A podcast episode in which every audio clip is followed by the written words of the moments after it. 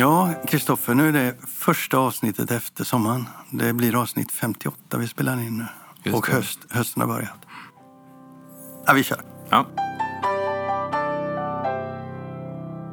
Så när vi träffs nu idag, När vi träffs, så man inte träffas. ja, när vi nu träffas här i, eh, faktiskt i Stockholm Ja. mm, för första höstavsnittet så eh, precis fick vi ett meddelande att Storytel och Bonniers har kommit överens. Mm. Och det är då slut på den konflikten som har gjort att eh, de här böckerna, Bonniers böcker, inte var tillgängliga på Storytel. De nya. Men det var lite klent. Hur tolkar du det pressmeddelandet? ja, vi har alltså då när vi spelar in det här inte fått ytterligare kommentarer så att vi vet ingenting mer än det som har stått i pressmeddelandet. Och vad som har stått där har ju varit att Jonas Lander har sagt att det är på en nivå som är rimlig. Och eh, Håkan Rudels har sagt någonting om att de har fått ge och ta. Så det känns ju som att de har hittat en... Eh, men Rudels har också sagt att det är på att det är förutsägbara ersättningar. Så att man får utgå ifrån att de har hittat en kompromiss där Storytel å sin sida har gått med på fasta ersättningar och eh, Bonniers å sin sida har fått gå med på att sänka de ersättningar som man tidigare har haft. Det är så, så tolkar jag det här. Mm, nej, jag kan inte heller säga något annat, men, men med förbehåll att vi vet inte allting. Men vad gör det här, tror du, för marknaden? Jag skulle säga att det är väldigt bra för marknaden. Det, det, skap, det, det har funnits en spänning kring den här konflikten och kring vad den kan få för långsiktiga konsekvenser. Och jag tror att det är bra för alla parter att man nu kommer överens. Det är väldigt skönt för Storytel att de får tillgång till de här nya titlarna. Eh, och eh, jag tror att för alla streamingtjänster så kommer man nu få tre års lugn och ro där man kan fortsätta växa och koncentrera på sin egen, egen affär.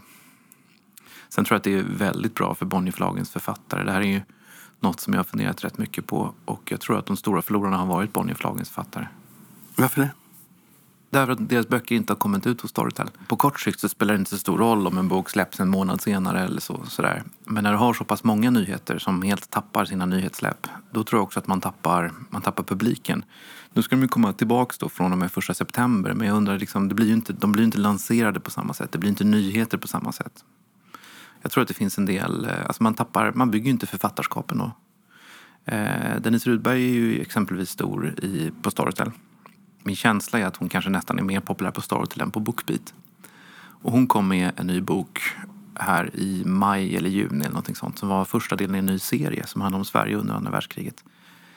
Eh, och den fanns ju då inte på Storytel så hon tappade ju otroligt mycket intäkter och det är klart att hon kommer få tillbaka en del av dem nu när den släpps på men hon har nog tappat en hel del där. Och det var ju liksom första delen i en ny serie så det var ju väldigt tråkigt för henne. Ja, återstår att se om du har rätt i det. Det går aldrig att bevisa att jag har fel för det här är, alltså, som jag, det här är komplicerade materior. Det finns inga, inga sanningar så att säga utan det är bara en reflektion från min sida. Det går ju inte att mäta men nu när hon släpps på så kommer den sälja jättebra. Men man vet ju inte vad den skulle sålt om den var, när den kom när den var ny så det, det är ju väldigt svårt att säga. Ja. Ja, är, fråga, en fråga också, som jag, en reflektion där är också. Det är ju ganska många starka titlar som inte har funnits på, på Storytel under sommaren. Om alla de släpps samtidigt så kommer det ju bli en otrolig intern konkurrens som också gör att de all, ingen av dem kommer sälja så pass bra som de hade gjort om de hade liksom kommit när, de hade, när det var tänkt att de skulle komma när de var utspridda. Det känns som att båda sidor var otroligt benhårda om att inte ge med sig. Så man undrar ju om hur mycket de har backat. De kanske bara har backat pyttelite eller så är det någon som har gjort stora eftergifter. Det vet vi inte. Vi får återkomma i nästa avsnitt med mer kunskaper om eh, vad det egentligen innebär, det här avtalet. Mm.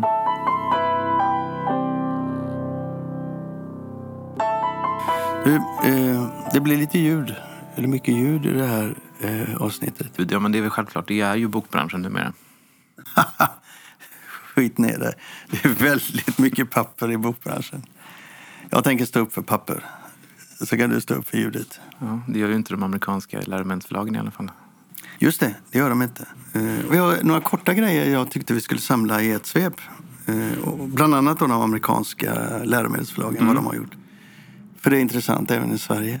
Men jag tänkte börja med en svensk liten grej. Det är att Kobo, det internationella e-boksföretaget ägt av japanska Rakuten och Amazons enda konkurrent internationellt har etablerat sig i Sverige Och det gör de alltid så när de gör det att de etablerar sig med sina e-plattor. Hittar en försäljare. Genom åren har de alltid sökt sig till bokhandlare som ska sälja dem. Men de har bytt strategi. Så i Sverige kommer de nu ut via Kjell Company. Kjell Company, varför inte Teknikmagasinet, varför inte Jula? Ja, det får du fråga dem. Jag tycker Kjell Company har en större kvalitetsstämpel än de andra. Var det inte där som eh, Akinmubkanens gamla vd hamnade? Jag hoppas jag inte. Jo, det gjorde han. Skojar du? Nej, du menar han som, han som förde in eh, eh datorer i... Så du kunde köpa, Ja, nät, ja. Han- han- nät, du kunde köpa via nätet i Han, bokhandeln? han fick vd-jobbet på Kjell Company, men jag vet inte om han är kvar. Det var några år sedan. Fy satan.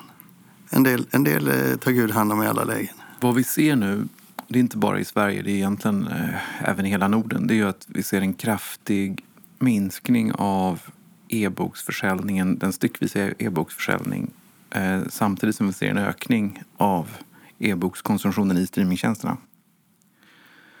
Eh, det är ju väldigt intressant. Och eh, vi ser helt enkelt att en stor del av e-boksförsäljningen äger idag rum i streamingtjänsterna. Och då blir det ju väldigt svårt för Kobo. Kobo. Jag tror att de är här för sent. Ja, det är styck, de har styckförsäljning. Ja. Andra grejer som är intressanta som har hänt utomlands eh, det, är ju det där med att amerikanska läromedelsförlag håller på väldigt snabb takt att gå från papper till digitalt. Och en av de fyra stora då, eh, Pearson, har nu eh, uttalat sin strategi när det gäller läromedel. Att de kallar det digital first och tänker i fortsättningen inte satsa på textböcker. Det kommer finnas en viss textboksproduktion. Men eh, det är mm, digitalt som gäller när de erbjuder eh, studenter och eh, lärosäten sina böcker. Och det tillsammans med det vi tog tidigare i år där eh, Cengage, en annan av de stora, har bestämt sig för en digital prenumerationsmodell. I första hand digital. Och samtidigt så har de då meddelat att de går ihop med McGraw-Hill som är en av de stora läromedelsförfattarna också. Så Sengage och McGraw-Hill går samman och de kommer att ha ett gemensamt prenumerationserbjudande. Och Pearson blir då helt digital. Och det där är inte så konstigt för sedan 2014 så har eh, omsättningen på läromedel i USA minskat med mellan 20 och 25 procent. Medan vanlig trade, då, det som vi pratar om normalt, då, har gått upp. Nej, det är inte så konstigt. Och det finns ju också väldiga fördelar med att göra det här digitalt. För då, det betyder att du kan uppdatera läromedel, läromedel, läromedelsböckerna gradvis. Så att säga. Du, kan, du behöver inte trycka en helt ny upplaga. Utan du kan, du kan ändra faktafel och du kan lägga till kapitel och du kan ta bort kapitel. och Så, där. så det, är, det är klart att det finns enorma fördelar. Jag tror även att eh, det här som Don Pearson då lanserade eh, innebär att det ska bli billigare för studenterna för att de ska också då få betala någon slags abonnemang som eh, gör att det totalt sett inte kanske blir lika dyrt som de skulle ha köpt alla böckerna. Mm. Jag vill få höra mer om detta för det kommer att komma i Europa och i Sverige också. Så det är en indikation om framtiden kan man säga. Och sen den stora frågan på bokhandelssidan som jag ändå tycker är lite intressant är att Barnes Noble har nu blivit uppköpt av Elliot, riskkapitalbolaget som äger Waterstones. Och de har satt till James Dawn som chef Mm. för båda. Precis som du ville. Ja, jag tror att hela branschen ville det. Det har blivit väldigt positivt mottaget. Man tittar på vad som har hänt på Waterstone. Det tog ju rätt många år för honom att vända Waterstone. Men, men eh, idag är det ju en av de bästa, eller den bästa bokhandelskedjan i världen. Om man tittar på kundbemötande och levande boklådor. Och kan han få Barnes Noble, som ju har varit trött och dött väldigt länge, att revitaliseras, bygga om butikerna, flytta på en del. De är ju dinosaurer. Nu är det ju så att Barnes Noble är tre gånger så stort som Waterstones. Så man kan tycka, eller om det var ännu mer. Så mm, det är ett rätt stort jobb han har tagit på sig. Men jag tror att för eh, bokbranschen som helhet så är det väldigt vitalt att han lyckas. Och sen den här som alltid kommer upp. Hur har det gått med försäljningen första halvåret? Det vet vi nu på många ställen. Eh, internationellt då, i Storbritannien så har den ökat. I USA har den gått ner. Jag fattar mig inte riktigt på det där. Vad är det som gör det ena och det andra? Det är klart att du kan gå ner och titta på titelnivå. Fantastiska titlar. I USA försökte man förklara det med att det var väldigt starka jämförelsetal då. För förra året så var, hade det kommit enormt stora biografier, Michelle Obama och så vidare som hade sålts otroligt stora volymer som hade drivit upp då omsättningen. Så att man jobbar dels med, dels så saknas de där titlarna, dels har man stora svårigheter att nå upp till de här fina talen som man hade förra året. Sen i Sverige gjorde ju Akademibokhandeln kom ju in med en försäljning som var bättre än föregående år. Eh, samtidigt som min känsla är att förlagen inte riktigt har haft en försäljning som är bättre än föregående år.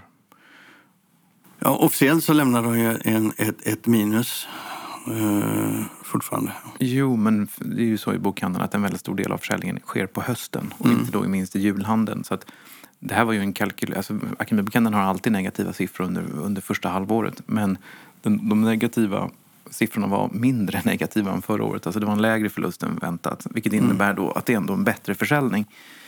Eh, men jag tror, inte att den, jag tror inte att förlagen, ingen som jag har pratat med har haft en bättre försäljning. Så att man undrar om det är mycket non-book som har ökat eller om det kan vara så att man har lägre lager eller någonting sånt där. Annars borde det liksom bokhandelsförsäljningen och förlagsförsäljningen vara helt och hållet kommunicerande kärl.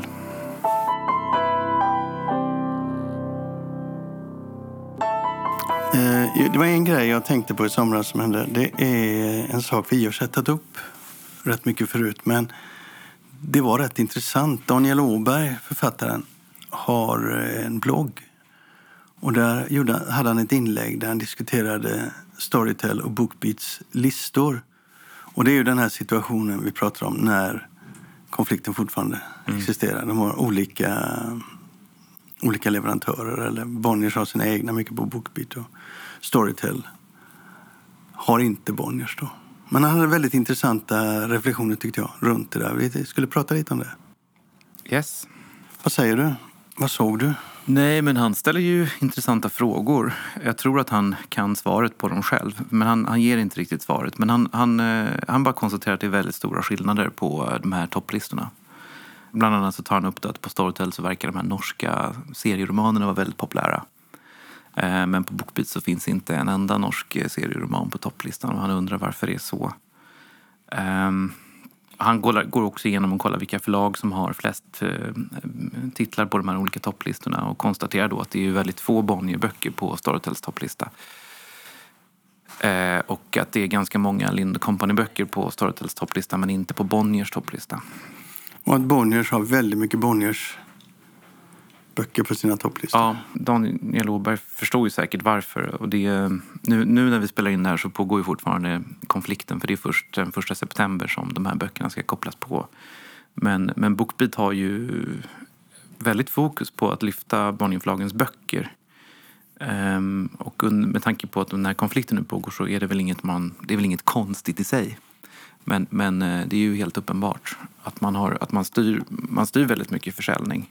Och det är också någonting som vi har sett under den här konflikten att Storytel också har kunnat styra och att man har styrt bort väldigt mycket lyssningar från Bonnierförlagens böcker. Ja, det, det har det varit den stora kunskapen för mig när de här två eh, aktörerna har arbetat i konflikten. Man har sett hur lätt de här aktörerna har att sänka och höja författarskap utan att det syns. Som lyssnare så har du ingen aning om och ingen översikt över hur man hanterar böckerna. Annat än att det du ser, det är det du lyssnar på. Men de har extrem makt att lyfta fram och plocka bort böcker. Och det stör mig. Den makten, ja, är ju inte, den makten är inte redovisad. Den är inte redovisad. Här har ju, historiskt så kan man också säga att det har varit, alltså Storytel och Bookbeat har jobbat väldigt olika för att när Storytel eh, eh, gjorde sin, byggde sin sajt och sin app så hade man ett mycket mer öppet flöde. Man hade något som hette nya titlar eh, som låg högst upp. Som var alltså det viktigaste flödet både i appen och på, eller i appen framförallt. Eh, och där la man upp alla titlar, högt som lågt, eh, viktigt som oviktigt. Hembygdsföreningar blandades med de största svenska namnen. Och det gjorde ju att det var alltså, lätt för helt okända författare om de hade något som verkade spännande att folk skulle börja lyssna på det. Medan Bookbeat då uh, hade ett helt, annan, liksom, helt annat, mycket mer uh, redigerat flöde. Mycket mer tips som var utvalda och sådär. Och väldigt, väldigt starkt bok, Bonniers fokus. Ja, absolut. Um, så att, men det... Sen så det är klart att det här fria flödet som Storytel hade var ju också på ett sätt väldigt irrelevant. I synnerhet nu när utgivningen har ökat så mycket som den har gjort. Ehm, det är många som inte vill se erotiska böcker i sitt flöde. Det är många som inte är intresserade av ditten och datten och sådär. Så att det, jag tror vad båda, eller alla streamingtjänster rimligt, rimligtvis borde ha som ambition det är att gå mot ett mer logaritmstyrt flöde. Det vill säga? Ja, alltså om du lyssnar på, om du är intresserad av affärsbiografier och historia så ska det komma upp överst så att säga. Alltså att, att man ska kunna liksom lära känna dig och liksom tipsa dig om sånt som du sannolikt kan vara intresserad av. Men då kommer vi in i det läget där du aldrig hittar något oväntat? Nej, så kan man säga. Men det går ju också att scrolla och leta och man kan kolla på kategorier och sådär. Man, man, man, kan ju också aktivt leta. Alla behöver inte vara passiva soffpotatisar som äter vad man blir serverad. Gud, du är grinig då? Jag är inte grinig. Ja, men det där var intressant. Folk har ju lite eget ansvar att leta fram böcker också. Jo, det är sant.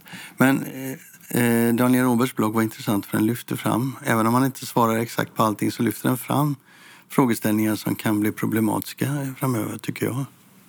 Ja, absolut. Det gör den ju. Eh, sen, sen en, eh, en fråga, en, en reflektion kring det här som jag inte själv har något givet svar på. Men det är ju hur olika kan streamingtjänsterna vara? På hur olika kan de vara vad gäller kundunderlaget, vad gäller målgrupper, vad gäller deras, eh, deras eh, kunders eh, preferenser, läsvanor och så vidare. Jag tror inte de kan vara så olika. I de, I de stora talen så jämnar det ut sig. Säker på det? Ja, hur tänker du då? Jag tror att du har rätt, men, men jag, jag, jag funderar ändå. Vi händer ju ibland, eller det har väl hänt historiskt, att vi har knorrat lite grann på Bookbeat och sagt till dem att nu har vi 15 titlar på Storytels topplista. Vi har inte en enda på er topplista och som består av 70% Bonnierböcker. Hur kan det komma sig? Eh, och då så säger de att det är inte konstigare än att vissa böcker säljer bra på Hedengrens och vissa säljer bra på ICA Maxi. Det är olika bok, bokhandlare, olika lägen, olika kunder. Eh, och det är klart att det där är inte sant i så stor utsträckning så som vi nu ser skillnaderna mellan streamingtjänsterna. Men i viss utsträckning kanske, eh, det är en öppen fråga så att säga. Kan, kan streaming, alltså de har ju, det kanske också är så att det faktiskt delvis finns, eh, att det är skillnader. Ungefär som att det var skillnader mellan Bonniers bokklubb och Månadens bok. Bonniers bokklubb var lite bredare. Eh, Månadens bok eh, också bred men hade liksom en annan, delvis lite annan profil. Alltså vad du ser, vad, vad Daniel Åberg visar också, det är att Storytel och Bookbase listor är rätt olika. Ja, det är det, jag kommer, det är det som jag pratar om. Jo, men, men eh, det har att göra med vad de lyfter fram och inte lyfter fram. Alltså, tittar du på konflikten och tittar du på listorna så är ju det, det, det den slutsatsen jag drar. Att de här tjänsterna kan påverka allt på sina listor. Det de lyfter fram respektive det jo, de inte det, lyfter fram. Det, det håller jag helt med om. Det som bekymrar mig det är ju att i framtiden kommer vi inte få reda på alla konflikter mellan producenter och eh, ljudbokstjänster. Som till exempel, du har en konflikt som förlag med en ljudbokstjänst och de bestämmer sig för att trycka ner dig. Och du är ett litet förlag. Ingen kommer att märka det. Ingen kommer att se det. Mer än förlaget som plötsligt ser att deras ljudboksförsäljning halveras. Och sen är det bara att krypa till bordet och säga okej, okay, vi godtar era villkor. Det är det jag tycker är lite eh, läskigt eftersom det kommer att ske i det tysta. När man blir så dominanta som ljudbokstjänsterna kommer att bli så kommer det här att styra affärsunderlaget väldigt, väldigt starkt. Ja, de har fått en stor makt. Eh, det gäller ju alla aktörer. Ja. Så är det ju, men, men eh, den invändningen skulle du kunna haft mot Bonniers, Bonniers bokklubb. Eh, de hade också en väldigt stor makt som man också utnyttjade väldigt mycket när man köpte över författare. Fast det var väldigt synligt. Du såg väldigt synligt jo, jo, att det, de här jo, jo, men det spelar ingen roll om det är synligt eller inte. Det är, det är de faktiska förhållandena för, för förlagen som är ja, viktiga. Och även en fysisk bokhandel, men Akademibokhandeln har också mycket makt. Så det, det, är inte, det är inte konstigt att en stor aktör på marknaden har mycket makt. Nej, men vad jag menar är att detta kan ske utan att du märks överhuvudtaget du som, du som lyssnar får inte en chans att påverka det. Det kan du göra när du går in i Akademibokhandeln. Du kan säga jag vill ha den boken. Ja. Eller jag, vad, vad det är väldigt få medlemmar i Bonniers bokklubb som reflekterar över att huvudböckerna alltid är från Bonnierförlagen. Dock. Jag menar, det, så är det kanske. Men jag är för mer öppenhet och här säger jag att här, på det här segmentet så är inte öppenhet kommer inte naturligt och den kommer överhuvudtaget inte att komma utan det här är, är ljudboksförlagens marknad. De bestämmer vem som lyfts och inte lyfts. Streamingtjänsten alltså. Ja, streamingtjänsten. Och eh, lyssnarna kommer inte ha en aning om vad som sker. Jag märker inte det.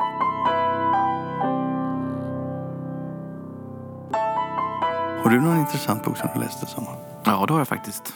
Eh, Jag har läst den svenska bok som har sålt mest exemplar worldwide någonsin före millennium.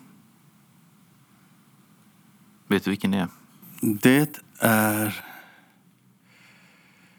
eh, Kerstin Ekman. Nej, fel, fel, fel. Hon är inte i närheten. Nu ställer du mig, måste jag... Vad kan det vara? Henning Mankell? Nej, du kan inte. Det är boken om San Michele av eh, Axel Munthe. Eh, och den kom ju alltså ut... Och han skrev den på engelska för övrigt. Den är, skriven på engelska och översatt till svenska. Den kom ut på engelska först. Eh, och eh, gick ju i enorma upplagor. I USA låg den etta. Jag tror att den låg etta i typ ett och ett halvt år i, i USA. Och i Tyskland gick den i flera utgåvor. Det trycktes upp en utgåva för eh, Wehrmacht i en kvarts miljon exemplar som Göring ville skriva förord till men det lyckades, Young, eller vad säger, det lyckades med Axel Munthe. Jag höll på att säga Jeng- Bengt Jangfeldt, men det var han som skrev den utmärkta biografin av Munthe. Men det lyckades Munthe trassla sig undan. Han hatade ju Tyskland. Ja, berätta, vad var det? Vad är, alltså det är en klassiker, men jag har aldrig läst den. Nej, men det är en klassiker. Och jag har inte heller aldrig, aldrig läst den, utan det var en sån bok som jag läste för att, du vet hur det är, ibland så läser man böcker för att man inte har något annat. Jag var i Italien och så låg den där Jag tänkte den här ska man läsa någon gång. Um, och det är en helt uh, besynnerlig bok faktiskt. Den liknar liksom ingenting annat. Det är en självbiografi, men han ljuger något alldeles enormt. Och den är, alltså han, han berättar anekdoter från sitt liv. Och det är helt fristående kapitel och de hänger inte riktigt ihop tiden eller kronologiskt. Och det finns ingen fru med, det finns inga barn med utan han är ungkarl i hela boken. Och han är liksom en hjälte som eh, begår de mest fantastiska grejer. Alltså, riktiga rövarhistorier berättar han, men den är otroligt underhållande. Eh, och han, det är ju väldigt mycket de eh, societetsmiljöer som han rörde sig i. Mycket prinsar och prinsessor och sådär. Eh, och koleraepidemin i Neapel och så. Men han nämner inte drottning Victoria med ett ord. Förklara. Alltså han var ju hennes älskare. Och eh, det var ju en mycket speciell kärleksrelation som var väldigt stark. Eh, Gustav V var införstådd och tyckte det var ett bekvämt upplägg. Han var inte så intresserad av drottningen på det sättet. Eh, och eh, det står bortom allt rimligt tvivel att det var en sexuell relation. Sen eh, blev det allt mer ansträngt. Hon, hon tillbringade väldigt mycket tid utomlands för hon var svårt sjuk. Så hon bodde ju eh, nästan mer utomlands än i Sverige och då bodde hon i Rom och även hos Axel på Capri. Där han ju hade det som var San Michele, eller blev San Michele. Sen blev det lite, lite ansträngt mellan dem under första världskriget för hon var ju väldigt pro-tysk och han hatade Tyskland. Eh, men deras relation upphörde aldrig och när hon sen till slut dör så är det han som står vid hennes sida och hon säger till honom kom snart. Och sen efter kriget, sen när Axel själv blir sjuk så flyttar han till Stockholm. Han bor i Stockholm under kriget och bor då på slottet. Äter lunch med kungen varje fredag. Han sa vi hade väldigt tråkigt på våra luncher men vi tyckte om att ha tråkigt tillsammans. Så att det, han, han blev nästan som en del av kungahuset. Och han var ju en sån världskändis så att när han fick eh, problem med ögonen eh, han hade näthinneavlossning tror jag och gick med solglasögon. Då eh, så gjorde han en operation som blev lyckad och då var det liksom första sidesnyheter på The, The Times och The New York Times. Det stod det att författaren till San Michele's eh, ögonoperation gick bra. Och det var en bra läsning tyckte du? Ja, alltså det här senare, det kom ju från Munthes biografi, som, eller Young, Bengt Jangfeldts biografi, biografi som jag var tvungen att läsa för att ta reda på vad är sant. Eh, Men eh, boken om San Michele är en fascinerande bok. Men varför är han så känd egentligen? Det, han blev alltså känd som skribent, författare, journalist kan man säga. Det började under koleraepidemin i Neapel där han var som, som läkare och tog jättestora risker. Eh, Då började han skriva om detta. Och han publicerade sig först i svenska tidningar men sen även i, i engelska faktiskt, i The Times och sådär. Och eh, sen skrev han om, eh, han gjorde en eh, bergsbestigning på Mount Everest han nästan höll på att dö. Och eh, han skrev om det. Och de här texterna gjorde honom, gjorde honom liksom lite känd. I Sverige blev han, han kallade sig för Puck Munte, som var, hans hund hette Puck.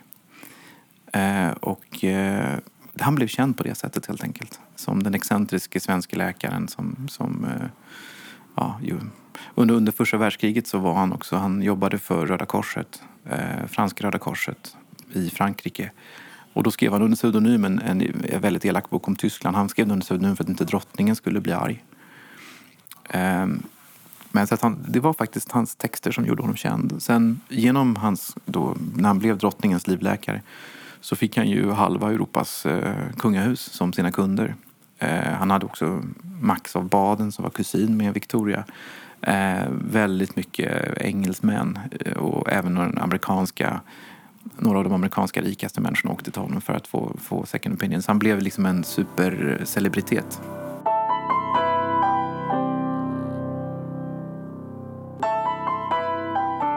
Och det var allt för Förlagspoddens första höstavsnitt nummer 52. 58. Ja, 58. Fint, vi hörs. Hej då.